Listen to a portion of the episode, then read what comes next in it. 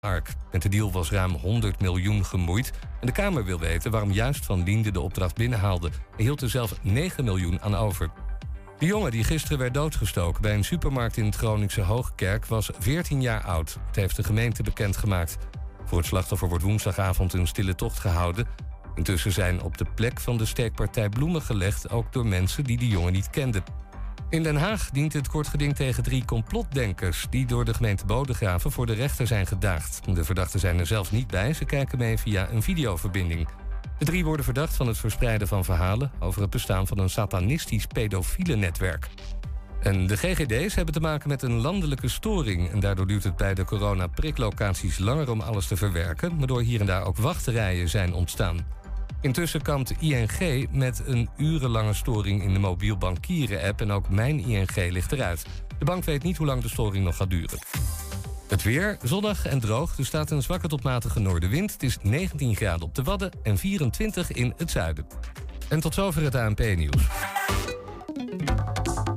Kijk, als we gezond eten, houden we onze weerstand op peil. Dat is belangrijk, zeker in coronatijd. Gezonder eten is makkelijker dan je denkt. Ja, doe de switch. Ja, precies. Ik zet bijvoorbeeld een schaaltje tomaatjes op tafel. Zo heb ik altijd iets gezonds in de buurt voor mijn snacktrek. Want als je gezond eet en drinkt, werk je aan je weerstand. En zit je lekkerder in je vel? Doe ook de switch. Prima. Dus ga voor meer gezonde tips naar... Doe de switch.nl Thema beveiliging staat voor betrokkenheid, adequaat optreden en betrouwbaarheid. Waar de concurrent stopt, gaat thema beveiliging net een stap verder. Thema beveiliging levert alle vormen van beveiliging voor zowel de zakelijke als de particuliere markt. Thema Beveiliging, de beveiligingsorganisatie van het Oosten. Telefoon 053 4800 560 of stuur uw e-mail naar info@themabeveiliging.nl.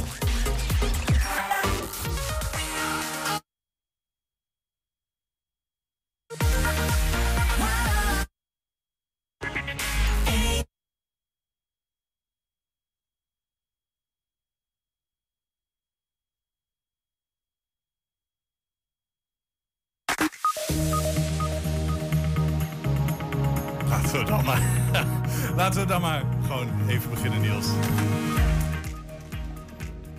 Ja. Zitten we er al in, jongens? Ja, we zitten er al in, eh, in ieder geval.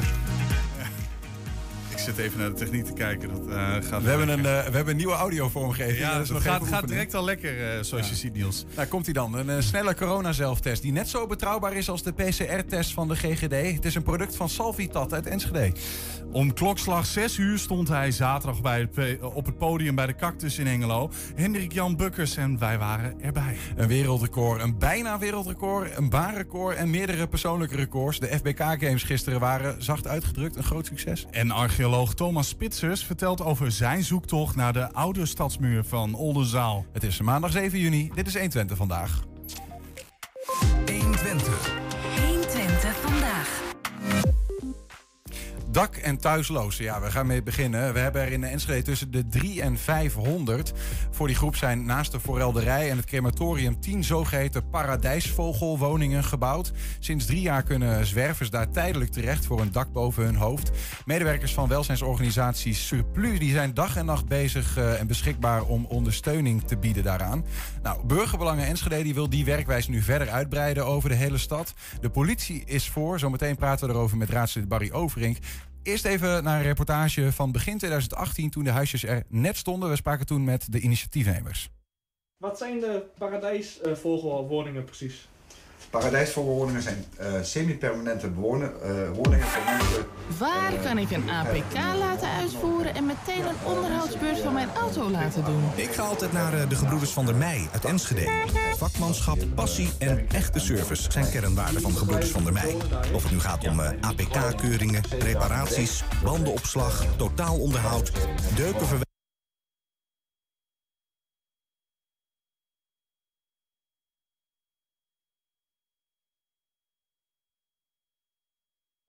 Ja, er gaat iets even technisch niet helemaal lekker. Zei al, we hebben een nieuw audio-vormgevingspakket. Trekt volgens mij een eh, volle overuur eh, aan Alleen, alles. dit, dit is niet de vormgeving zoals we hem in gedachten hadden.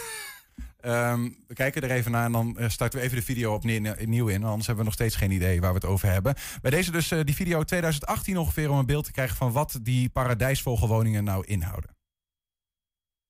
Wat zijn de paradijsvogelwoningen precies? Paradijsvogelwoningen zijn uh, semi-permanente woningen voor mensen die even tijdelijk een woonruimte nodig hebben.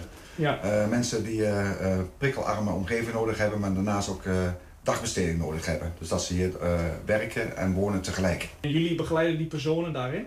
Ja, wij doen de begeleiding zeven dagen in de week. Door de week uh, begeleiden we ze met het wonen, het werken en de vrije tijd. In het weekend is het met name de vrije tijd en het wonen waar we ze mee begeleiden. En hoe ziet de situatie wonen en werken precies in elkaar? Ja, de mensen wonen hier op het terrein van de paradijsvogelwoningen.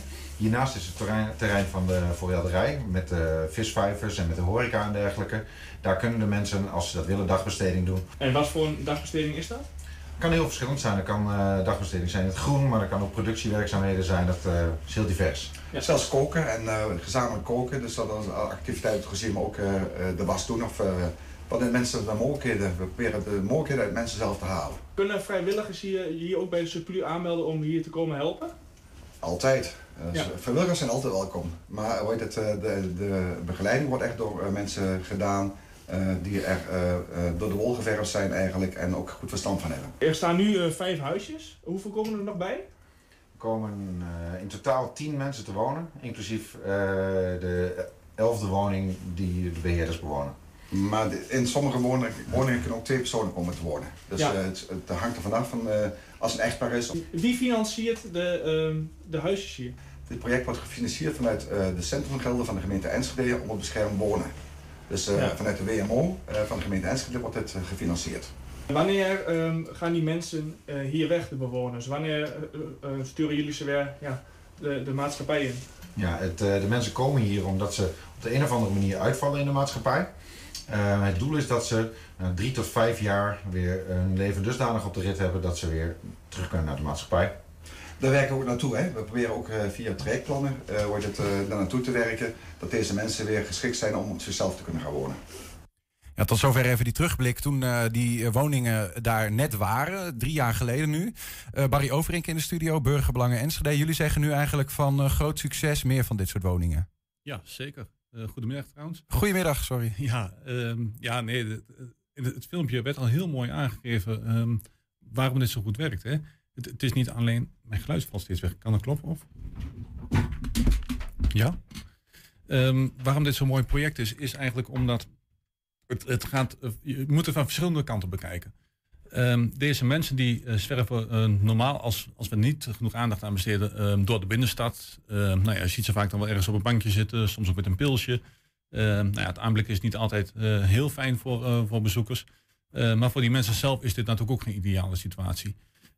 Wat je hier ziet is eigenlijk, ja, heel veel dingen komen hier gewoon samen in, in deze voorelderij uh, pilot. Uh, de paradijsvogelpilot is het eigenlijk, hè, maar op de locatie van de voorelderij. Mm -hmm. um, je hebt een dag, dagbesteding, uh, mensen hebben een woning, dat prikkelarme omgeving.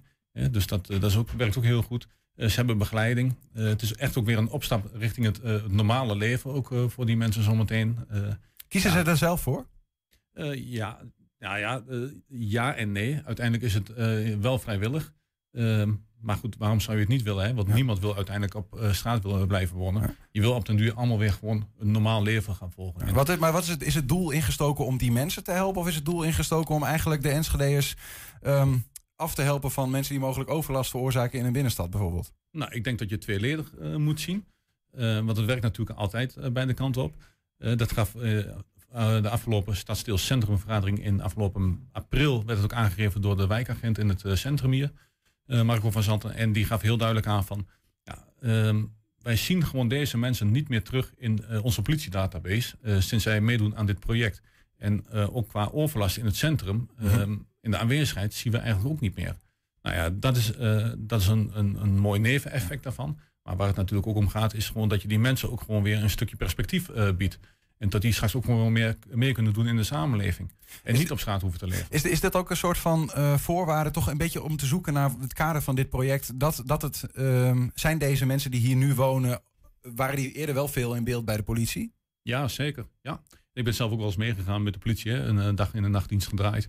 Om te kijken van waar lopen ze nou tegenaan, vooral in het centrum. Omdat ik uh, afgelopen jaren heel actief uh, op het gebied van veiligheid ben geweest in het centrum. Ja, en dan zijn er natuurlijk wel, uh, nou ja, dezezelfde paradijsvogels, om het zo te noemen, die we vaak terugzien in het centrum. rondom het Wilmingplein of de Oude Markt. Ja. Ja, en, nou ja, dus ik denk dat het heel goed is. En vergeet ook niet dat als we deze mensen gewoon willen helpen, als ze gewoon wel ergens wonen, dan komt daar vaak heel veel zorg bij kijken. En misschien wel vijf, zes, zeven verschillende zorgprofessionals.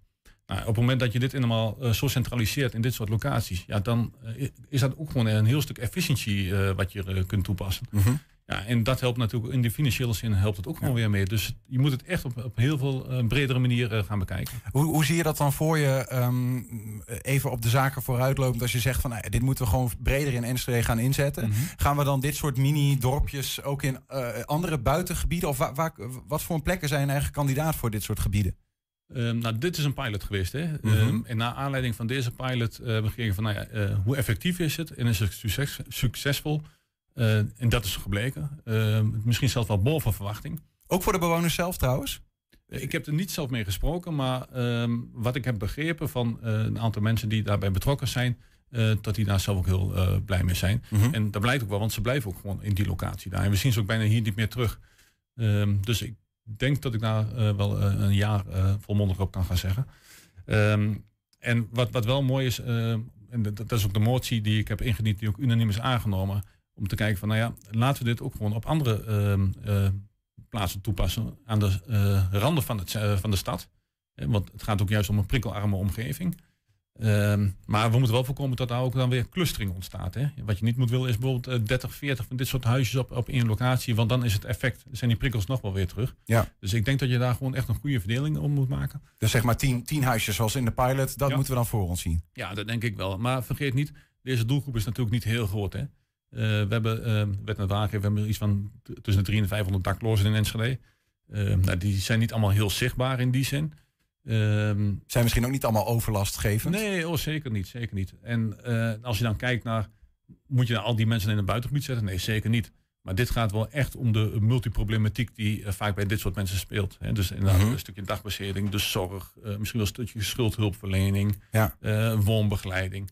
Uh, ja, dat, dat past heel mooi. En, uh, ja, in dit geval zat die forelderij, uh, was er al. Mm -hmm. hè? Dus kan ik me voorstellen dat je ook plekken in zicht hebt waar een, een dergelijk initiatief bij zit, zodat je ook meteen die dagsbestedingsplek hebt? Ja. Nou ja, ik heb zelf een aantal jaar geleden een motie voedselbos ingediend hier in Enschede. Die is ook unaniem aangenomen. Um, en die wordt nou ook in uitvoering gebracht. Dus er komt ergens een heel mooi voedselbos. Ja, weet je, daar zou je misschien ook wel die combinatie kunnen maken. Want dat was ook ooit de oors, het oorspronkelijke gedachte ook om een maatschappelijk uh, nut uh, daarmee uh, te gaan combineren met zo'n voedselbos. Ja. ja. En ik denk dat dit ook gewoon, als je een paar van die tiny huis, houses er neerzet en ook goede begeleiding, misschien ook de combinatie met de DCW, kunnen misschien straks ook wel weer aan het werk of via surplus. Mm -hmm. Ja, ik denk dat het heel mooie combinaties zijn. Maar goed, dat, daar heb je ook wel een beetje mensen voor nodig met energie. en die dit ook graag willen. En ik ben ook daarom heel blij dat, dit, dat deze pilot zo'n succes is geworden. Want dan kunnen we ook echt laten zien van, kijk, zo werkt het. En dit is ook de meerwaarde ervan. Wat weet je van uh, bewoners die, die zeg maar hier in de buurt wonen van zo'n mm. initiatief, wat die ervan vinden? Want dat kan ik me voorstellen dat, dat je daar nou wel eens tegenaan kunt lopen. De mensen zeggen ja, mooi zo'n initiatief, mm. maar hè, not in my backyard. Ja, maar het gaat er met name om dat je uiteindelijk ook gewoon uh, een open gesprek moet hebben met die, met die mensen. En ik pak even als voorbeeld, volgens mij, dan doe ik het even uit mijn hoofd, was het de Peringweg, uh, waar eerst de reisopera was gevestigd. Nou ja, wat we daar hebben gedaan, uh, een oud historisch pand, daar hebben we ook allemaal uh, studio's zijn daar uh, ontwikkeld. Mm -hmm. Daar zitten ook mensen nou, die af en toe een beetje verward zijn, die ook begeleid wonen. Nou ja, en met hele goede en duidelijke afspraken vooraf, ook vanuit de gemeente, ook vanuit die instellingen, ook van die begeleiders en ook die investeerders van dat pand. Ja. Hele duidelijke afspraken gemaakt. ook met doelen daarin. En als wat is, dat mensen gewoon bij één persoon terecht kunnen die ja. het dan oplost. Uh, en die, de hele wijk heeft ook gezegd van, nou ja, weet je, dan gaan we het gewoon proberen. En hoe is dat in deze pilot gegaan, bij de voorelderij? Nou, ik, ik weet niet of daar, want dit is alweer drie jaar geleden, hè, mm -hmm. toen het begon. Uh, ik weet niet, uh, ik zat toen wel in de raad, maar ik weet niet hoe dat precies aan de voorkant helemaal is verlopen. qua in gesprek nee, maar ik, re reacties van, van omwonenden, ken je die? Of is dat relatief nee. rustig gebleven? Ik kan me geen opstand herinneren. wellicht zijn er wel zorgen geweest in het begin. Maar goed, dit, dit is ook niet direct in een uh, druk uh, bewoond nee. gebied. Hè. Er zit natuurlijk rondom het crematorium wel een aantal mensen, een paar mooie huizen staan daar. Maar ik heb daar niet echt uh, destijds signalen van gehoord dat er opstand was. Maar zeg in ieder geval wel, mocht dit uh, breder ingezet gaan worden in de stad, dan zullen jullie altijd zeg maar, eerst met bewoners in gesprek gaan om te kijken van hoe kunnen we draagvlak krijgen om met z'n allen dit te doen. Ja, zeker. Want wat je niet moet willen hebben, dat is wat er destijds gebeurde in de Broek en de Borg uh, in Enschede. waar ook een aantal mensen bij, bij het bejaardenhuis kwamen. Ja, er stond een heleboel in de brand bijna. Ja, dat moet je natuurlijk niet hebben. Dus het begint altijd ook dit soort dingen waar, waar gevoeligheden bij zitten. En niet alleen op dit dossier maar ik ben, ik denk bij alle dossiers, altijd in gesprek zijn met, uh, met je inwoners. De politie die vindt in ieder geval ook een goed idee, begrijpen we? Ja. Um, heb, je dan, uh, heb je dan nog veel heuvels te beslechten? Dan moet de gemeenteraad nog mee om dit echt breder uit te... Nou, de gemeenteraad is mee. Ik heb uh, naar aanleiding van Stadsdeel Centrum heb ik een uh, motie uh, ingediend. Ja. Om van die pilot echt beleid te gaan maken. Die is unaniem aangenomen, wat je unaniem zei. aangenomen, ja. dus dat wordt nou in werking gezet. Ja, en de politie is er ook erg blij mee. Wat betekent dat even voor de, voor de timeline, zeg maar? Wanneer kunnen we zo'n zo'n soort... Um, ja, ik wou het een tuigdorp noemen. Mag dat? Nee, zeker niet. Nee. Een paradijsvogelwoningenbuurt ja. uh, zien gaan verrijzen ergens in Enschede?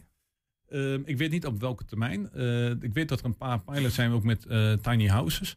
En tot daar ook naar wordt gekeken van hoe kunnen we daar een combinatie maken. Ehm, of dat nou binnen een paar maanden of binnen een jaar of twee jaar is, dat durf ik niet echt te zeggen. Maar ik denk wel dat het belangrijk is. Um, ook omdat je zegt, je kunt ontzettend veel in de, in de zorgkosten kun je gaan besparen. En ook in de begeleidingskosten van die mensen. Dus uiteindelijk als je die kosten allemaal kunt gaan besparen, kun je dan ook wel weer gewoon dat geld investeren in dit soort mooie ontwikkelingen. Uh, en uiteindelijk uh, moeten die mensen ook gewoon meer kunnen doen in de samenleving op den duur. Ja. Maar specifieke plekken heb je nog niet? Nee, en daar ga ik ook niet over als raadslid. wij geven de kaders mee wat we willen en wat we vinden. En de echte uitvoering, dat is uiteindelijk aan het college en de ambtenaren. Barry Overink van Burgerbelangen Enschede, dank voor je toelichting. Dankjewel. Straks een uh, snelle corona-zelftest die net zo betrouwbaar is als de PCR-tests van de GGD. Het is een product van Salvitat uit Enschede. 120. 120 vandaag. Ja, het was afgelopen zaterdagochtend om 6 uur een van de allereerste concerten van Nederland. Dat van Hendrik Jan Bukkers in de muziekcafé De Cactus in Hengelo. RTV Oost nam een kijkje en sprak met de muzikant, met uitbater Erwin Kwakman en met enkele enthousiaste bezoekers. Stomme vraag van de ochtend, maar hoe was het om hier weer te staan? Ja, hartstikke leuk. En het stomme is, als je dus één keer begint, dan heb je helemaal niet meer in de gaten dat het ochtends vroeg is of zo. Vooral als je een biertje krijgt, dan uh, was het toch, uh, het leek net een avondshow. Dus nee, het was hartstikke leuk. Er was ook een hele goede sfeer, dat je denkt, oh mensen willen dit weer. Ja, en nou is hier in de cactus altijd een hele goede sfeer. Uh, maar je kunt het inderdaad wel zien. Maar ook, ik merk het aan mezelf ook. Het is zo lekker om even te spelen voor het publiek. Zo fijn. Dus ik ben heel blij dat we dit gedaan hebben. Leuk man. Geweldig, heerlijk om na zo'n lange tijd bij een café te zijn. En dan maakt mij niet uit als het om 6 uur 's ochtends is met een heerlijk biertje. Heerlijk. En het was goed, hè? Je merkt gewoon dat mensen eraan toe zijn. Ik was een blij ei. Ik was een blij ei vanochtend. Ik heb een ontbijtje, een biertje en uh, ongelooflijk lekker uh, live muziek gehoord. Uh, ja, weet je, dit, dit, moet gewoon weer. Dit hebben we allemaal nodig. En dit, dit sterkt de ziel en het hart. Dus nee, voor mij mag het nou gewoon hoppatee als één grote trein doorgaan op deze manier. Klaar. Erwin, een smile van oor tot oor. Wat een heerlijke ochtend, hè? Ja, prachtig, prachtig. Het mondkapje past niet meer op. De oren klappen naar binnen heen. Het is echt, ja, daar doe je het voor. Ja, eindelijk weer live muziek. Hebben we zo gemist met z'n allen. En uh, ja, als het dan zo uitpakt uh, en ja, zo'n mooi sfeertje. Iedereen zit gewoon lekker te genieten met een eitje en een broodje en een kopje koffie. En dat gaat langzaam over in uitgepeste boterhammetjes. Ja, dan kan je alleen maar blij zijn. Waarom dacht je van, ik ga gewoon om zes uur beginnen met een concert? Nou ja, goed. Uh, ook aan de ene kant wel een klein beetje om, een statement te maken natuurlijk. We hebben met z'n allen de hele de, theater- en uh, branche en, en, de evenementenbranche... hebben vorig jaar ongelooflijk hun best gedaan om alle protocollen te voldoen... en om het veilig te maken. En daar ging natuurlijk half oktober zo in één keer pats, boem, een streep doorheen van... Uh, er werd ook niet meer geluisterd naar argumenten of het wel of niet kon... of nog met meer aanpassingen en ja, het, mensen hebben het gewoon gemist. En je ziet ook dat het, uh, dat het best wel kan. Het was fantastisch. Het was echt een heel, een heel mooi... Het was een heel mooi idee van de eigenaar. En uh, wij zijn fan van Bukkers. Dus het was voor ons... Nou, de opening van de horeca is een feit. Nou, het is mooi dat het zo gevierd is. Yes, dat was dus bij de Cactus in Hengelo. Zometeen blikken we met een waarschijnlijk dolblije directeur Hans Kloosterman terug op zijn FPK Games. 120. 1, 1 120 vandaag. Is daar uh, een, uh, zoals ze het zelf noemen, een snelle, minder ingrijpende en betaalbare corona-zelftest. Die net zo betrouwbaar is als de PCR-test van de GGD. De uitslag kan bovendien in een app worden gekoppeld aan persoonsgegevens. De test zou daarmee dus ook voor evenementen en reizen gebruikt kunnen worden. Als de overheid tenminste een uh, beetje meewerkt. Interessant wat ons betreft, al helemaal onder het product, is van het bedrijf Salvitat uit Enschede. Brigitte Bruins bij ons, goedemiddag. Goedemiddag. Um, ik ga de microfoon heel iets bijdraaien. Dan ja. Zo. Um, ja, ik vroeg me af, die coronacrisis die is toch hopelijk bijna voorbij? Is jullie product niet een beetje mosterd naar de maaltijd? Ja, dat hopen wij natuurlijk ook dat dat uh, voorbij is. Ja. Uh, alleen ja, het is ook wel gebleken, corona is uh, nog lang de wereld niet uit. Dus het testen zal voorlopig nog wel even blijven. Maar het mooie van ons platform is ook dat het voor andere testen ingezet kan gaan worden. Dus niet alleen voor coronatesten, maar ook voor allerlei andere testen. Jullie sorteren alvast voor op de volgende pandemie? nou, niet per se, maar het is vooral het monitoren van je eigen gezondheid. Dus okay. denk daarbij aan vitaminetesten of mensen die schildklierziektes hebben die regelmatig getest moeten worden. Dat kan dan vanaf nu vanuit je eigen huis, vanuit je eigen keukentafel, uh, zoals wij dat zeggen. Ja, laten we zo meteen nog even terugkomen op wat je dan precies kunt met die test. Als in uh, ook andere ziektes die je kunt testen en zo. Um, maar toch even naar die. Jullie, jullie beloven nogal wat, hè? Uh, snel, minder ingrijpend, betaalbaar, betrouwbaar. Ik ben benieuwd, je hebt het apparaat meegenomen. Ja, en het, het, werkt iets anders dan een normale test, geloof ik, hè? Ja, Met zeker. cartridges en zo. Ja, heel goed. Ja. uh, ik weet niet of Mag je uh, deze camera pakken? Ja, hier. En dan, we, we zien jou nu Ja. wat je doet. Ja. Dus uh, eigenlijk bestaat het uit twee, eh, twee onderdelen. Dit is die, die cartridge waar je het net al eh, over had. Mhm. Hier zit eigenlijk de testchemie in. Dus dit bepaalt wat voor test dat het is. Ja. En dit is de reader. En dit is een universele reader. Dus dat is eenmalige aanschaf. En dan kun je dus daar de cartridge bij kopen voor de test die jij op dat moment wil gaan doen. Ehm, Die, die, te- die cartridge verschilt per ziektebeeld wat je wil gaan testen. Moet ik dat Ja, zo zien? Ja, dus oké. bijvoorbeeld een, eh, een COVID-test of een test om je vitaminelevels te bepalen. Eh, nou ja, Alright, ja. wat je maar wil eigenlijk. Mhm. Ehm, en eh, daarbij, dat is dus inderdaad gekoppeld aan de app. Eh, dus je brengt het eh, monster op de, op de cartridge. Mag je hem iets Ehm, hoog houden? Kunnen we even meekijken met wat, wat je precies Yes. doet? Ja, ik kan het zelf niet zien, dus dat is Ja, wij- wij zien het, wij zien wij het, zien ja. het. Ik zeg wel als hij buiten beeld is. Dankjewel. Ehm, dus je brengt het monster op de cartridge. Je zei net al eh, niet invasief. Dus Mhm. eh, we zijn aan het kijken wat de mogelijkheden zijn van een mondspoeling. Eh, dus dat, dat je met wat water je mond spoelt en dat uiteindelijk op deze cartridge Dus brengt. we, we hoeven geen wattenstaafje meer in de neus of nee. in de keel. Nee, dat, Oh, Ook dat scheelt ook inderdaad. dat scheelt Ja. heel erg. Ja, heel belangrijk voor ons. Ehm, nou ja, als je dan dus de chip geladen hebt, zoals Mhm. wij dat zeggen, dan schuif je hem in de reader. Ehm, en de app vertelt je verder wat je moet doen. En de reader doet eigenlijk de rest. En je krijgt je uitslag op de app binnen. En hoe lang duurt dat dan voordat je de uitslag hebt? Ehm, bij de coronatest is dat zo'n 30 minuten. Helemaal vanaf dus bemonstering tot aan de uitslag. Oké, oké, oké. Ja, ik ben wel ontzettend benieuwd, want dat, dat op zichzelf... en dat zou dan betrouwbaar genoeg zijn om... ehm, zoals nu, wat nu de GGD met de PCR-test eh, zou laten zien. En hoe, want normaal als je dat nu wil doen, moet je naar een commerciële teststraat, geloof ik. Er is niet echt een, een eh, tenminste, je kunt geen bewijs daarvan krijgen van de GGD, toch? Nee, nee. Dus daarom hebben we ook de app. Die wordt gekoppeld aan je ID. Ja. En op dat, dat is dus ook je bewijs van je positieve of negatieve uitslag. En hoeveel, ja, hoeveel kosten daar zijn al mee gemoeid? Want je hebt dat kastje wat je daar hebt en die cartridge. Wat, wat betalen we daarvoor? Nou, wat ik al zei, de, die, eh, dat kastje, de reader, dat is eenmalige aanschaf. En de test eh, cartridge is natuurlijk ook een beetje afhankelijk van wat voor test je wil gaan doen. Ja, maar stel COVID, we, we, we schaffen het kastje aan. Hoe duur, hoe duur is zoiets? Ja, daar zijn we nu nog echt aan het kijken. We zijn nu in, echt in de ontwikkelfase en aan het kijken van hoe kunnen we dit ook zo goedkoop mogelijk produceren. Mhm. Want het is echt de bedoeling dat het betaalbaar is voor iedereen. Ja, oké, maar dat is niet echt een antwoord op de vraag natuurlijk. Nee. Jullie zeggen het is een betaalbare test. Dus hoe duur is Ja. dat dan maximaal wat jullie betreft? Ja, dat, eh, daar kan ik nu nog niet eh, een, eh, een antwoord op geven. Oké, en de cartridge die erin gaat? Of is dat ook hetzelfde verhaal? Hetzelfde verhaal, Is dat ook ja. een beetje afhankelijk van de schaal waarin je het kunt gaan produceren? Ja.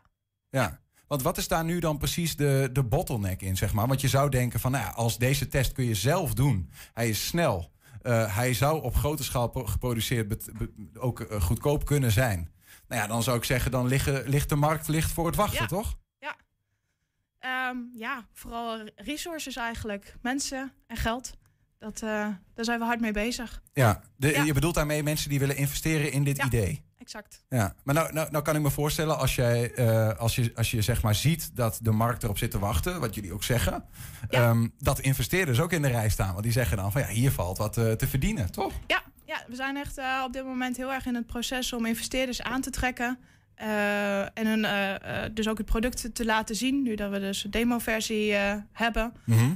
om ze inderdaad enthousiast te maken om, om te investeren. Ja, en is dat, loopt dat een beetje? Wat, wat zijn daarin de moeilijkheden? Ehm, de reacties zijn heel enthousiast. Het idee en het concept spreekt ontzettend aan. Dat merken we heel erg. Ehm, ja, er zijn heel veel ontwikkelingen gaande. Dat is, eh, dat is één, eh, één ding.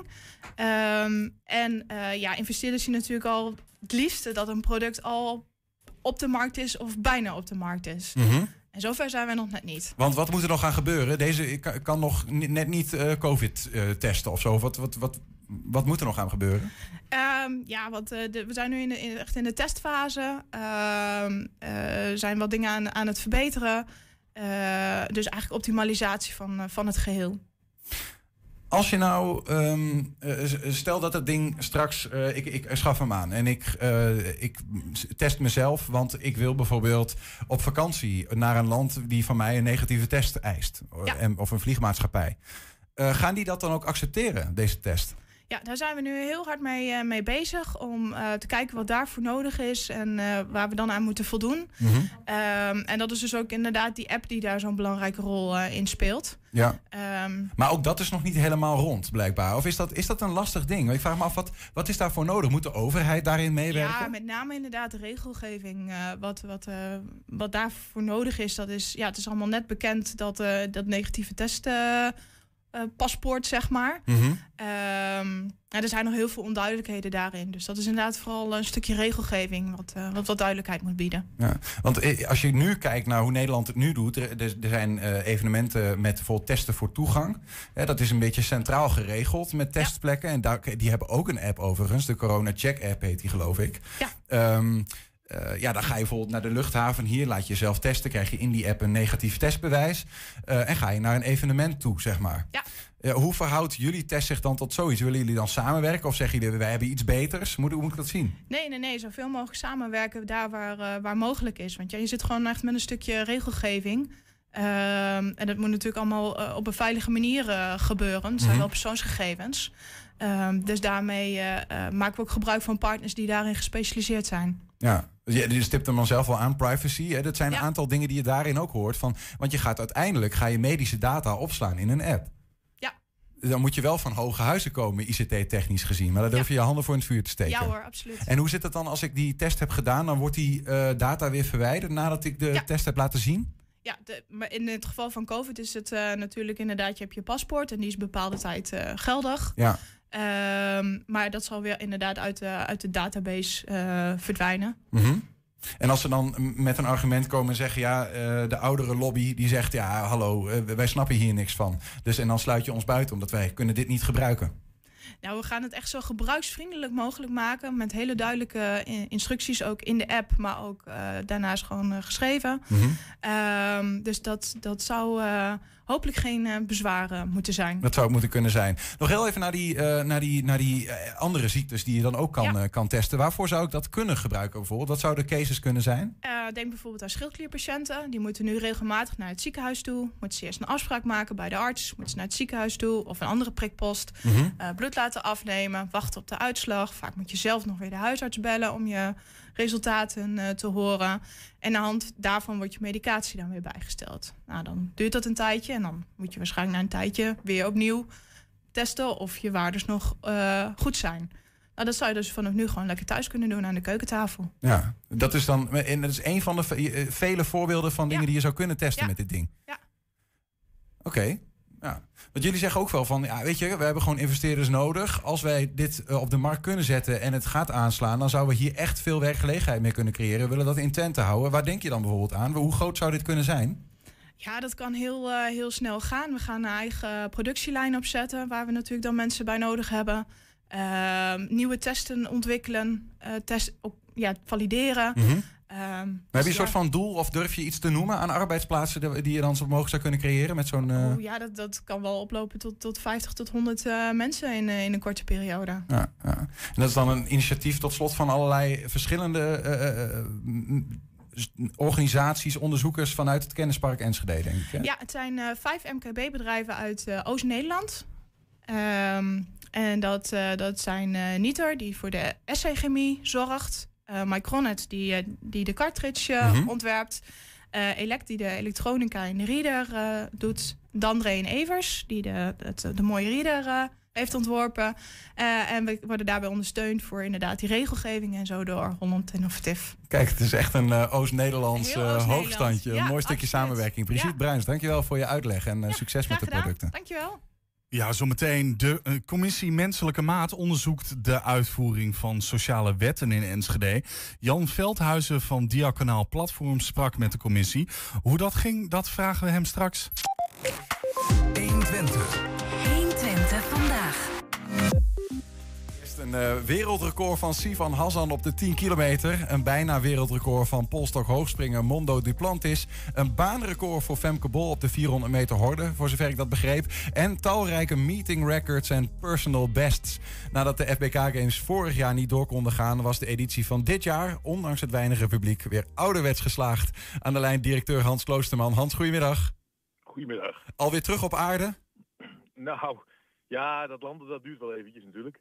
Eh, nee hoor, ik sta met twee beentjes op de grond. Hoe heb je die wedstrijd gisteren eh, beleefd? Moest je jezelf af en toe in de arm knijpen? Ja, toch wel een beetje. Hè. Ik bedoel, ehm, eh, kijk, je, je bedenkt van tevoren een scenario voor een wedstrijd. Wij wisten dat Sivan een snelle 10.000 meter wilde lopen.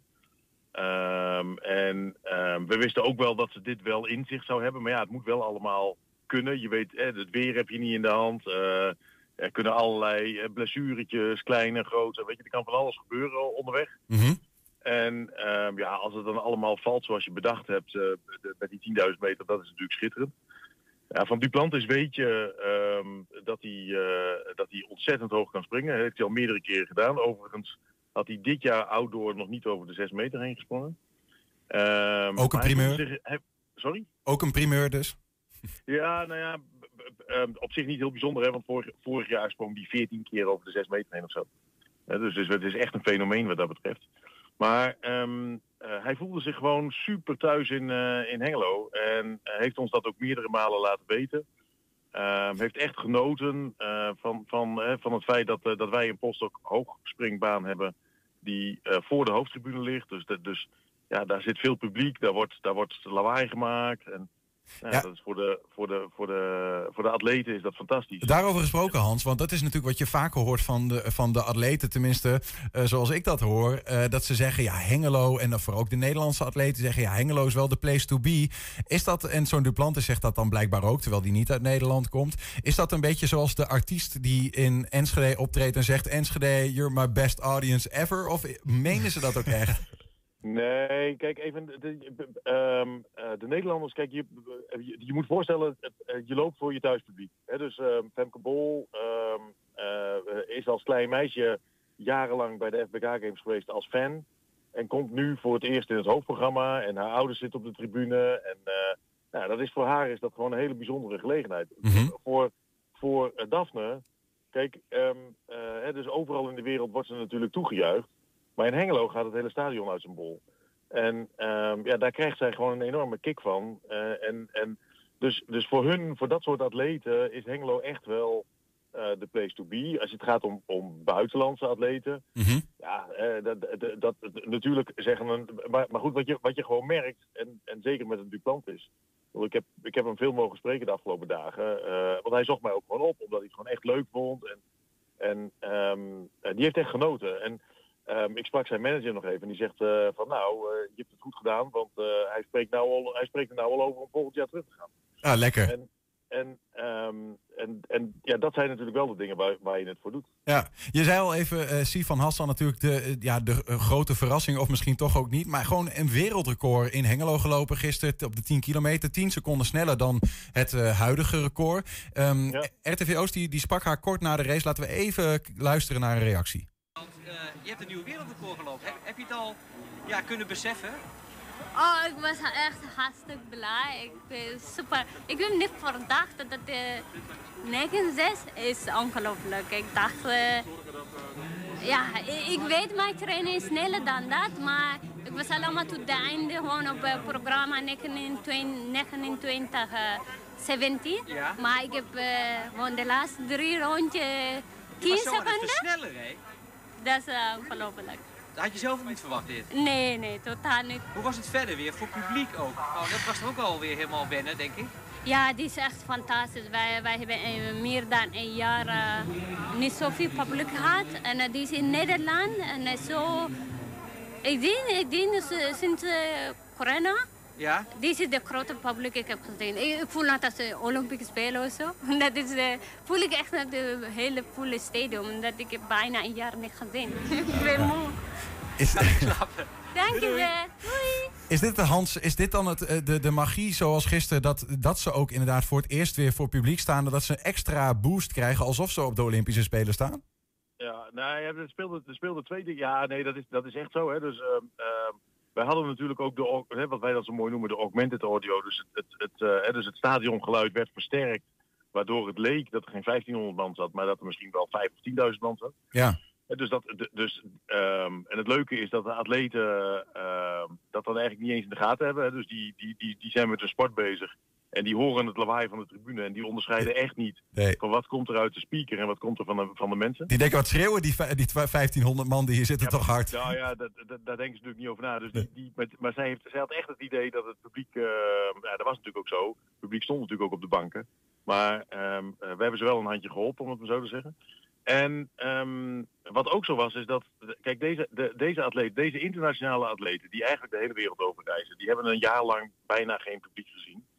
Maar wat ook zo was, is dat wij natuurlijk het geluk hadden dat wij in het eerste weekend zaten dat alles weer een beetje open kon. Hè. Dus um, ze hoefden niet meer op hun hotelkamer te eten, maar konden um, op het terras of, of, of in het restaurant konden ze lunchen of, uh, of eten. Hè. Zolang dat maar binnen de aantallen uh, viel die mogen van het RIVM. Nou, dan, dat, dat, dat, dat, maar dat betekende dus dat ze niet meer op een hotelkamer hoefden te zitten, dat ze elkaar weer zagen. En um, ja. alleen dat al um, merkten wij aan alles. Dat, het, dat gaf zo'n enorme boost aan die atleten. Die waren gewoon allemaal heel blij. Betekent het uh, ook uh, even als je terugkomt op die, die augmented audio waar je het over had hè, in, in zo'n stadion, dat uh, dat soort dingen ook gewoon wat jullie betreft zo'n succes en dat je die meeneemt? Ook die andere dingen. Hè? Jullie hadden een soort van second screen event daarnaast en ja. studio FBK. Zijn dat blijvertjes? Nou, het, het, second screen event zeker. Um, alhoewel we daar ook weer heel veel geleerd hebben. Hè. Dus we hebben ook best wel veel feedback gekregen. We hebben veel dingen goed gedaan, maar ook een aantal dingen waarvan je denkt, nou, dat gaan we volgend jaar anders doen. Um, de augmented audio, um, ja, ik, ik ben eigenlijk benieuwd of dat ook functioneert als het stadion wel vol is. Uh, en ja, wij hopen toch echt dat we volgend jaar weer in een iets normalere situatie zitten. Ja. En dat we geen, uh, ja. geen anderhalf of tweeënhalfduizend mensen mogen, maar gewoon uh, volle bak. Maar mag het, mag het eigenlijk, dan, Hans? Want dat zat ik me net af te vragen. Het is ook een soort van, een soort van doping, toch? Het is een soort van extraatje wat een extra boost geeft. Dat, dat, die, die, die, die, die audience, ja, ja, ja. Kijk, wij doen, natuurlijk niks, wij doen natuurlijk niks raars, want wat we doen is, uh, we, we, we, we doen alsof het stadion wel vol, vol zit. Ja, nou, ik kan er ook niks aan doen dat, ik, dat, dat, dat er geen publiek in mag, om het maar zo te zeggen. Nee, nee, nee. nee dat, wordt niet, dat wordt niet gezien als, uh, als uh, kijk even, uh, aanmoedigen mag. Hè? Dus we hebben de wavelight, de, de lampjes aan de binnenkant van de baan. Dat mag ook, dat is ook officieel goedgekeurd. Hè? Dus dat is allemaal, dat betekent nog steeds dat die atleet zelf met zijn energie, of haar energie in het geval van, van, van Sifan, maar met haar energie gewoon die prestatie moet leveren. Precies, ja. En, ja. dus ja, Um, zijn, zijn er nog eigenlijk sporters geweest die we niet in het nieuws hebben gezien, omdat ze gewoon ver onder hun eigen maat hebben gepresteerd en die met een rotgevoel naar huis zijn gegaan? Nou ja, dat weet ik niet. Nee, ik denk het eigenlijk niet. Hè. Dus uh, Daphne was echt wel blij met haar progressie dit weekend naar, uh, naar in 11-2 in het ja. voorprogramma en 11-1 in het hoofdprogramma. Vierde op de 100 meter, hè? Vierde op de 100 meter, ja. maar, maar, goed, ze had ook enorm sterke tegenstand met Dine Esje-Smit. Um, en, en is gewoon bezig aan een, aan een proces. En, en komt van die rugblessure. En, en nou ja, wat ze gisteren zelf al vertelde. Nou ja, nog, eigenlijk nog maar tien keer uit het startblok gegaan dit jaar. Ja, en dan al twee keer op één dag. Hè. Dus dat, dat, dat was echt, echt wel even een dingetje. Of dat, of dat, of dat het allemaal hield. En, uh, nou ja, dat is heel goed gegaan. Dus daar was ze ook heel blij mee. Um, Eh, ik denk dat Turendi enigszins teleurgesteld was. Die, eh, die liep, ehm, die startte twee keer goed in het voorprogramma op de 100 meter. En de derde keer, er werd twee keer vals uh, teruggefloten. Oei, en, de ja. derde keer, en de derde keer was hij te traag weg. En ehm, dat was jammer. En de 200, zijn 200 meter, ja, ik weet niet precies wat daar gebeurde. Maar dat was ook niet heel erg. Dat was niet helemaal wat hij gehoopt had. Ben jij dan ook een soort van dominee die een bemoedigend woord nog even meegeeft voordat ze... Bij, bij Turendi is dat helemaal niet... Nee, dat is ook waar. Bij Turendi is niet nodig. en, en, en eh, nee. Nee, maar als je zo het rijtje langs gaat, ik denk dat hè, dus, eh, ehm, ehm, de, de, de, de, de Nederlandse mannen op de 400 meter waren tweede en derde, die waren heel erg blij. Ehm, de, de, ja, Femke Bol heb je al gehad. Ja, Lieke Klaver ehm, had misschien iets meer gehoopt, maar liep toch ook gewoon een hele goede eh, 400 meter. Ja, ik denk dat, ik denk dat al met al ehm, de Nederlandse toppers het gewoon heel goed gedaan hebben. Mooi. En Hans Kloosterman is ook blij. Eh, de 100 procent, ja. Goed op, goed op te horen. Bedankt eh, Hans en eh, succes met de voorbereidingen voor volgend jaar alweer. Ja, graag gedaan. Ja, eerst nog morgen, eerst nog morgen Ethiopische trials in Engelo. eh. Oh, kijk aan. Nou ja, veel succes daar nog mee dan. ja, dankjewel. Dankjewel. Jojo. Oké. jo. Ja, straks gaan we honderden jaren terug in de tijd en op zoek naar de oude stadsmuur van Oldenzaal. 120. 1. 120 vandaag. Eerst in eh, Enschede is een onderzoek van start gegaan naar de uitvoering van de bijstandswet en de WMO voor thuishulp en zo. De commissie Menselijke Maat sprak vandaag een twintigtal inwoners en spreekt daar ook nog mee vanavond volgens mij over hun eh, persoonlijke verhalen en ervaringen met de gemeente. Eerder vond er al een indringend gesprek plaats met stichtingen Sociaal Hart en het Diaconaal Platform, die zich beide eigenlijk al jaren inzetten voor mensen die klem komen te zitten in de regels van de overheid. Aan de telefoon is Jan Bonneveldhuizen, voorzitter van het Diaconaal Platform. Jan, goedemiddag. Goedemiddag. Ik noem het een indringend gesprek met die commissie Menselijke Maat. Eh, was dat het ook? Het was een zeer indringend gesprek. Eh, Met wie heb je gesproken? Hoe ziet zo'n gesprek eruit? ehm, nou, we waren eh, zeg maar met, bijna compleet met ons bestuur aanwezig. Ehm, meneer Vonk was aanwezig. ehm, De voorzitter? ja, de, de voorzitter was. de mevrouw zeg maar, uit Rotterdam was helaas niet aanwezig. Mhm. Meneer Prem was aanwezig. en ja, we hebben eigenlijk vanaf het begin. ehm, ja, is het gesprek gewoon heel goed verlopen. Eh, we hadden ook echt eh, het gevoel dat, eh, ja, dat we niet alleen gehoord werden, maar ook begrepen werden. Van waarom we nou ja, zo aan de bel hebben getrokken. Eh, nou ja, inhoudelijk kan ik er verder en mag ik er ook verder niks van zeggen. Want het gesprek is gewoon zeg maar, achter gesloten deuren Ja. gevoerd. Eh, maar de anderhalf uur bleek gewoon te weinig. En, Maar- eh, we hebben Ja. bijna twee uur gepraat met elkaar en eh, achteraf ook tegen elkaar gezegd van jongens, eh, daar komt waarschijnlijk wel een vervolg op. Maar als je dat zo zegt, van dat we begrepen werden, dat gevoel, hè, waarom we aan de bel hebben getrokken, hè, mis je dat gevoel in andere gesprekken dan wel eens? Nou ja, kijk, een van de, een van de redenen waarom het uiteindelijk zeg maar nu bij deze commissie ligt, is omdat we in een bepaalde situatie ons niet, niet begrepen voelden. Eh, en dat, eh, ja, dat is nu toch wel even heel anders, eh, gelukkig maar. Deze mensen weten echt van de hoed en de rand. Zij kennen, de, de, zij kennen natuurlijk ook de regels heel goed. Hè? Betekent dat ook, kwamen zij ook met goede vragen naar jullie terug? Want je zegt van ja, ze luisteren goed, maar stelden ze ook de vragen waarvan je dacht, ja, daar gaat het nou precies om? Nou ja, kijk, ik, ik, als, je, als je maar anderhalf uur hebt, dan daar is de verkenning eh, eigenlijk eh, het, het eerste punt van ja, wel- welke mensen hebben we voor ons. eh, en, ja, er werden natuurlijk wel een aantal vragen gesteld, maar meer, ja, hoe moet ik het zeggen? Die, die toch wel meer de, de, de oppervlakte zoeken als de diepte. Maar dat kwam vrij snel, gingen we met elkaar de diepte in. Ja, ja, en dan, ja, ja, dan zie je ook zo'n commissie wel even goed nadenken. Ja, als je dat zegt, dan krijg ik toch een beetje de indruk dat daarmee soort van de eerste conclusies ook al een beetje zich, ehm, eh, zich uittekenen. Snap je wat ik bedoel? Ja, nou, wij hadden in ieder geval eh, zeer zeker het gevoel eh, dat ze ehm, eh, niet zomaar ergens mee begonnen. Ze hadden zich heel goed ingelezen. Ja. Zijn er nog onderwerpen geweest die, die, ze liever gemeden hebben als onderwerp van gesprek? Dat ze zeiden van ja, daar kunnen we niet zoveel mee, bij wijze van? Nee, we hebben, we hebben echt gewoon alles eh, tot zover wat we konden eh, in deze anderhalf uur, twee uur kunnen, eh, ja, kunnen filtreren. Eh, dat heeft ook zijn werkelijk wel gevonden. Eh, het, het was niet zo dat ja, maar nee, dit is echt, echt een, een commissie die, die een open oor heeft en daar ook zeker mee aan het werk gaat. Jij hebt er wel vertrouwen in, hè? In deze, want ik bedoel, ja, het is natuurlijk ook een extern ingestelde commissie. Maar het is een dossier waar, waar, waar je zelf in ieder geval ehm, de afgelopen jaren nogal, um, ja, hoe zeg ik dat? soms wat wanhopig bent geweest bijna. Heb je vertrouwen dat dit echt verandering kan gaan brengen nu? ik ben ervan overtuigd. wij, wij zien eigenlijk op dit moment al veranderingen. Ehm, vooruitlopend op wat we allemaal, zeg maar nu, ja, allemaal te bedden wordt gebracht. Uh, daar kan ik gewoon uh, heel hard op zeggen. Welke dan? Welke veranderingen, uh, welke veranderingen ben je positief over? Ja, we, zien, we zien nu al een, een, een andere, een andere vorm van, van bejegering en afhandeling. En dat, dat is een maand of drie, vier, zeg maar, toch wel echt zo langzaam begonnen. En we zien steeds meer, zien, zien, steeds, steeds, steeds meer dat ja, ook de gemeente Enschede, maar ook ja, Adriaan Kampman heeft ook niet voor niks, wat heeft hij gezegd, 35 stellingen in Den Haag neergelegd. Uh, hij, hij, wil ook graag dat de participatiewet uh, zeg maar wordt aange, aangescherpt. Of in ieder geval wordt uh, niet aangescherpt, maar juist wat, wat warmer wordt gemaakt. Mm -hmm. Dus we, we, zien, we zien van allerlei bewegingen op dit moment. die, ja, ik kan alleen maar zeggen, ik ben ontzettend dankbaar dat, ja, dat er nu toch iets gebeurt. En we hebben ook het gevoel dat er iets gebeurt. En ook de commissie zal daar zeker toe bijdragen dat, dat ook de gemeenteraad zeg maar, een, een goed doordacht rapport krijgt. Uh, met conclusies en aanbevelingen. Ik, uh, en wat ze daarmee doen, daar kunnen wij natuurlijk niet uh, voor beslissen. Daar hebben we een gemeenteraad voor. Mm -hmm.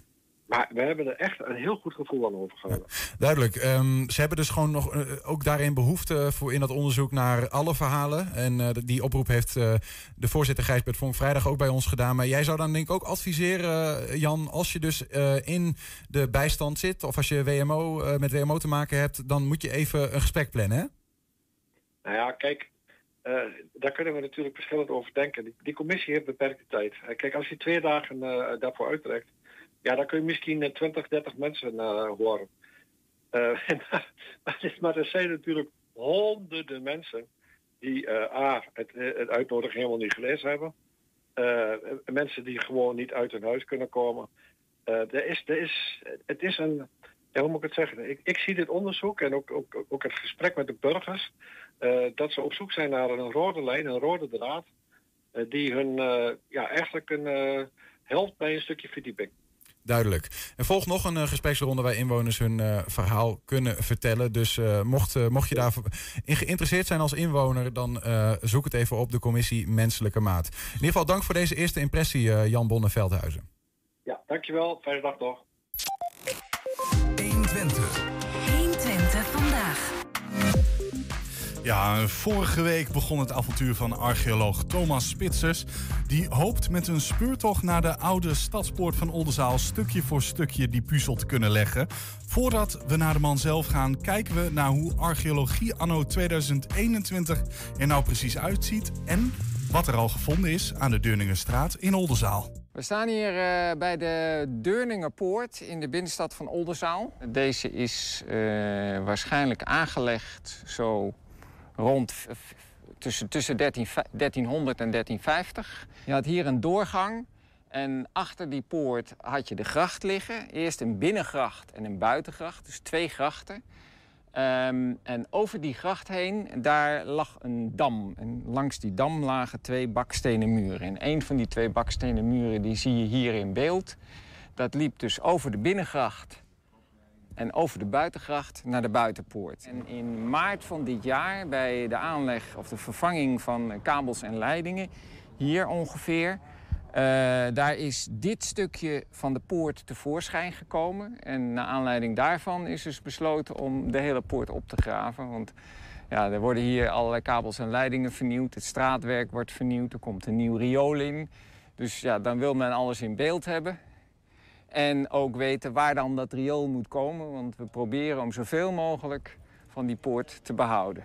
Ik sta hier uh, in, uh, eigenlijk bij de doorgang van de poort op de dam. Met links en rechts een bakstenen muur. Een dam die dus over de gracht heen de stad uitvoert.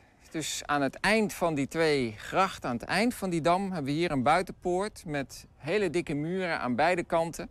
En hier een poortdoorgang aan de stadszijde en aan deze kant een poortdoorgang aan de buitenzijde. En hier zijn jullie nog bezig om hier verder te gaan graven? Hier zijn wij op dit moment bezig om de, de buitenpoort bloot te leggen. Het, het hoekje is vrijdagmiddag gevonden en we, zijn, we hebben net vanochtend dit allemaal blootgelegd. En we zijn nu nog buiten die buitenpoort, hebben we net ook nog wat muurwerk gevonden. Waarvan we niet weten wat het is. Het zou van een bastion of zo, of een vestingwerk kunnen zijn... wat nog weer buiten die buitenpoort lag. Wij archeologen, wij leggen de poort bloot. En eh, de mensen van het riool, die proberen dus, of de gemeente probeert zoveel mogelijk het riool zo neer te leggen dat er zo min mogelijk van die poort beschadigd wordt. Maar er is in het verleden al heel veel, hè, je ziet hier overal buizen en kabels lopen, dus is al het nodige beschadigd. Maar we proberen om zoveel mogelijk te zorgen dat dat wat er nog over is, dat dat ook kan blijven liggen. Ja, dat was dus vanmiddag. En uit die, uh, die put eigenlijk uh, hebben we Thomas Spits is weggehaald, archeoloog. Thomas, goedemiddag. Goedemiddag. Um, even, even over dit project. Je ziet nu zo uh, wat delen van die muur die al gevonden zijn. Hoe moeilijk is eigenlijk deze opdracht? Of, of is dit easy peasy? Nou, het is niet een, een heel erg moeilijke opdracht. Uh, hoewel we wel uh, te maken hebben met dus heel veel kabels en leidingen. Ja. Uh, en ja, dat bezwaart het werk wel. Maar, maar je, je, moet toch juist altijd bij archeologie oppassen dat je niet de muur zelf uh, kapot maakt? Of is het hier meer oppassen dat je niet de kabels kapot maakt? De, de kabels zijn op dit moment kwetsbaarder dan, dan de muren. dus, maar we zijn het wel gewend in die zin. Dus, uh, en je, je, je zit hier nu aan de, aan de Deurningenstraat. Dat hebben we zojuist even, even gezien in de Oldenzaal. Hoe kom je nou eigenlijk bij dit project? Of, of kreeg je een tip? Of word je door de gemeente nou, eh, de, de gemeente Oldenzaal die wil dus uh, op de vestinggordel willen ze een soort park, een soort groenzone inrichten. En in de planvorming daar wordt dan gekeken of er mogelijk archeologische resten. Nou ja, als je bovenop een vesting zit, dan kun je verwachten dat er archeologische resten zijn. En in dat geval wordt er dus een archeologisch bureau ingeschakeld. Dat zijn wij dan van Laaglandarcheologie. En uh, dan, wordt er, uh, ja, dan wordt er gekeken wat er dus nodig is. is uh, vaak wordt er in, in zo'n geval wordt er eerst een bureaustudie gedaan. En er wordt eerst gekeken op, op oude kaarten en, en in databases waar al vondsten zijn, waar alle vondsten in staan. Om te kijken of er al wat gevonden is in die buurt. Of er al wat gevonden is en wat we al weten van zo'n plek. Er wordt ook historisch onderzoek dan gedaan. En nou ja, op basis daarvan konden we dus inschatten van nou ja, waar ongeveer de grachten, waar we de stadsmuur konden verwachten. Binnen, die, binnen dat project. En, en ook dat er bij de Deurninger, Deurningerstraat uh, mogelijk een poort blootgelegd zou worden. Ja. En dan vervolgens is er besloten om, uh, ja, om die, die werkzaamheden archeologisch te begeleiden. Uh, en dat hebben wij dus gedaan. We hebben verschillende uh, rioolsleuven en verschillende bergbassins die aangelegd. Dat hebben we allemaal begeleid. En dan hebben we ook de uitbraaksleuven van de stadsmuur teruggevonden. Ja.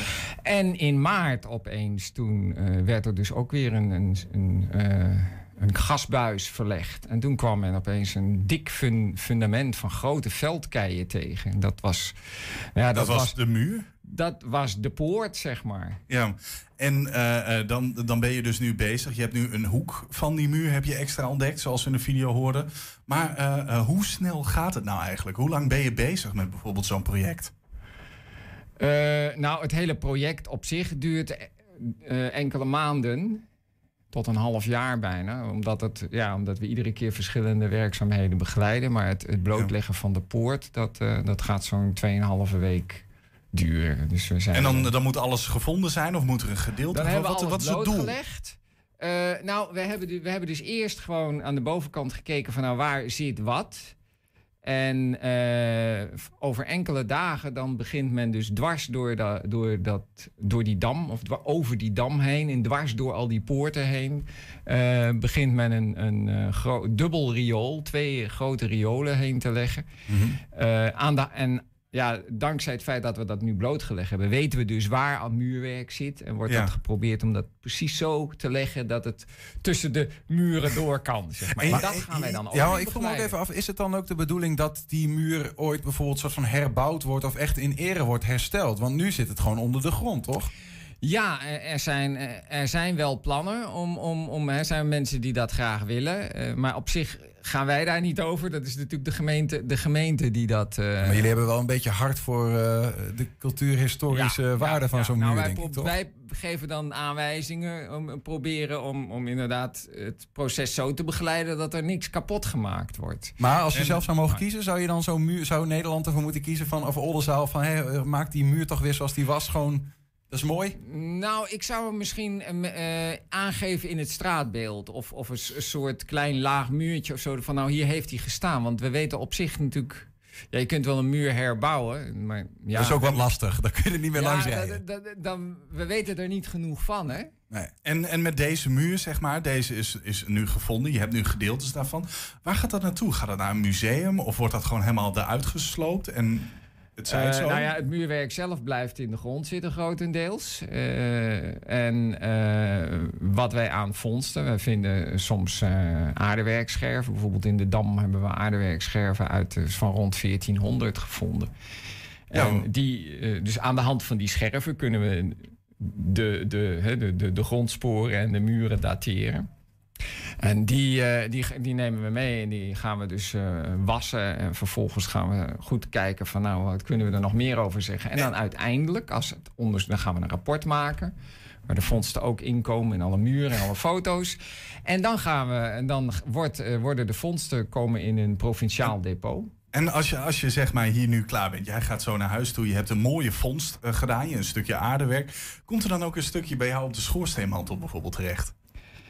Of, of heb jij wat stukjes op de schoorsteenmantel van vroegere projecten? Ik, ik heb wel stukjes, maar het zijn er niet veel. Want als archeoloog, eh, ja, wij vinden zoveel dat eh, als ik alles zou meenemen thuis, dan, dan had ik het drie, drie, drie huizen nodig. En, en het, uiteindelijk is het ook niet de bedoeling. Het wordt, eh, het wordt gearchiveerd, en, zodat later, dus het wordt in een depot gedeponeerd. En zodat als er later nog eens een keer iemand verder onderzoek wil doen... of nog eens een keer naar die scherven wil kijken... met de kennis van dan, van de toekomst...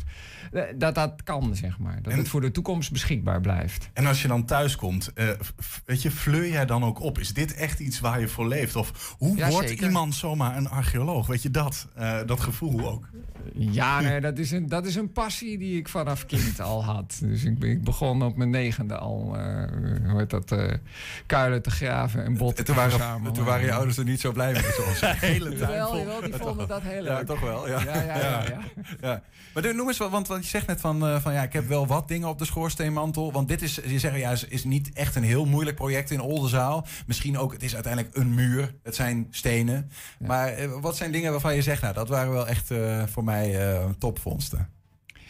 Nou, wat ik, wat ik eh, heel, een heel leuk project vond recentelijk... is het, eh het Stadstuinenproject in Oldenzaal. eh, waar we een enorm stuk geschiedenis van Oldenzaal hebben kunnen herschrijven. En daar, hebben we, daar hebben we dus stukken gevonden van, uit de, uit van de nederzetting uit rond 800. Van de Mhm. eerste bewoning van Oldenzaal. En, en vervolgens nog van de Ringwalburgt uit, uit rond 900. En eh, dan nog een aardewal en die is dan weer afgebroken. En daaroverheen zijn, zijn vakwerkhuizen in de late middeleeuwen gebouwd. En eh, we hebben ook nog de Marktstraat kunnen zien. Die is dwars over, over oude bebouwing heen gebouwd. Nou, dat, dat, dat, je ziet dat eh, eigenlijk dat die stad eigenlijk drie, vier keer helemaal eh, over de kop gezet is. En weer heel nieuw stratenplan, een hele nieuwe inrichting geweest is. En dat is eigenlijk best bijzonder voor een Nederlandse stad. Maar herschrijven, zeg je dan? Is dat ook iets wat jullie o- uitvonden wat eh, tot dan toe eigenlijk helemaal niet op die manier bekend was? Niet zo, nee. Nee. Dat er laagje voor laagje als een soort van schilderij... eh, Niet op die manier, nee. Ik bedoel, Er worden altijd wel puzzelstukjes eh, gevonden, maar dat je de samenhang Ja. vindt, dat, dat, ja, dat je de, de, de puzzelstukjes zeg maar in elkaar kan passen. Maar betekent dat dan dat bijvoorbeeld de, de eerste laag die er dan ligt, eh, ooit zeg maar eh, bijvoorbeeld is ge- kapot ge- ge- gemaakt, gebombardeerd, weet ik veel wat allemaal, en dat er dan weer een nieuwe stad bovenop is gekomen? Ja, Of zijn dat soms. Ja, ja, precies. Er is dus, uh, wij, wij, hebben een, uh, we hebben zeg maar in, in, de, in het schone zand vinden we allemaal paalsporen. En daar ligt dan een mooie akkerlaag overheen. En, en daarbovenop ligt, ligt de wal van hè, de ringwal. Van, hè, de, de, gracht is er doorheen gegraven. En daar ligt een mooie, mooie ringwal overheen. En die ringwal is weer plat, weer geëgaliseerd. Er is nog een halve meter van over. En daarbovenop vinden we weer vloeren en, en, en funderingen van vakwerkhuizen uit de En nu, boven, nu, nu bovenop liggen de rioolbuizen. En, nou, da, daar weer, die zijn dus in de 80-jarige oorlog verwoest, die, die vakwerkhuizen. Daar vinden we ook echt enorme brandlagen van. En daar weer, op, daar weer boven, daar staat bijvoorbeeld nu het Paltenhuis. En, Ja. en de, dus er staan de herenhuizen uit, uit de 17e, 18e eeuw. En we, we, we hebben het nu ook voornamelijk over Oldenzaal. Is dat ook echt eh, een, een, een plek waar jij veel archeologische eh, bevindingen hebt, hebt gedaan? Oldenzaal heeft, eh, is, eh, ja, is een van de steden. Ja, het is een hele rijk, heeft een hele rijke stedelijke historie. Dat, dat, dat geldt eigenlijk ja, de- tot de, de oudste steden van Nederland. Dus, dit, ja. Ja, en eh, eh, eh, denk je dat we daar ooit uitgegraven zullen zijn? Nou, dat denk ik niet, nee. nee. Er is wel heel veel onderzoek gedaan in Oldenzaal. Gelukkig wel. Eh, eh, we weten dus heel veel over de stad. We moeten de, de, puzzels is, de puzzel is bijna compleet. Maar er zijn natuurlijk altijd nog stukjes waar niet gegraven is. Tot de volgende keer dan, zou ik zeggen. Ja, tot de volgende keer. Archeoloog Thomas Spitsen, dank eh, voor je komst naar de studio. En eh, eh, eh, ja, keep on digging. Dankjewel. Ja, en tot zover 120 vandaag. Terugkijken, dat kan direct via 120.nl. En vanavond om 8 en 10 uur op televisie te zien. Voor de luisteraars kunnen zo gaan genieten van de kettingreactie. Wij zeggen in ieder geval tot morgen. 120. Weet wat er speelt in Twente. Met nu het nieuws van 4 uur. Goedemiddag, ik ben Bas van Halderen. Er komt een onafhankelijk onderzoek naar de omstreden mondkapjesdeal met Siewert van Liende. De onderste steen moet boven, zegt minister Tamara van Ark. Met de deal was ruim 100 miljoen gemoeid. En de Kamer wil weten waarom juist van Liende de opdracht binnenhaalde.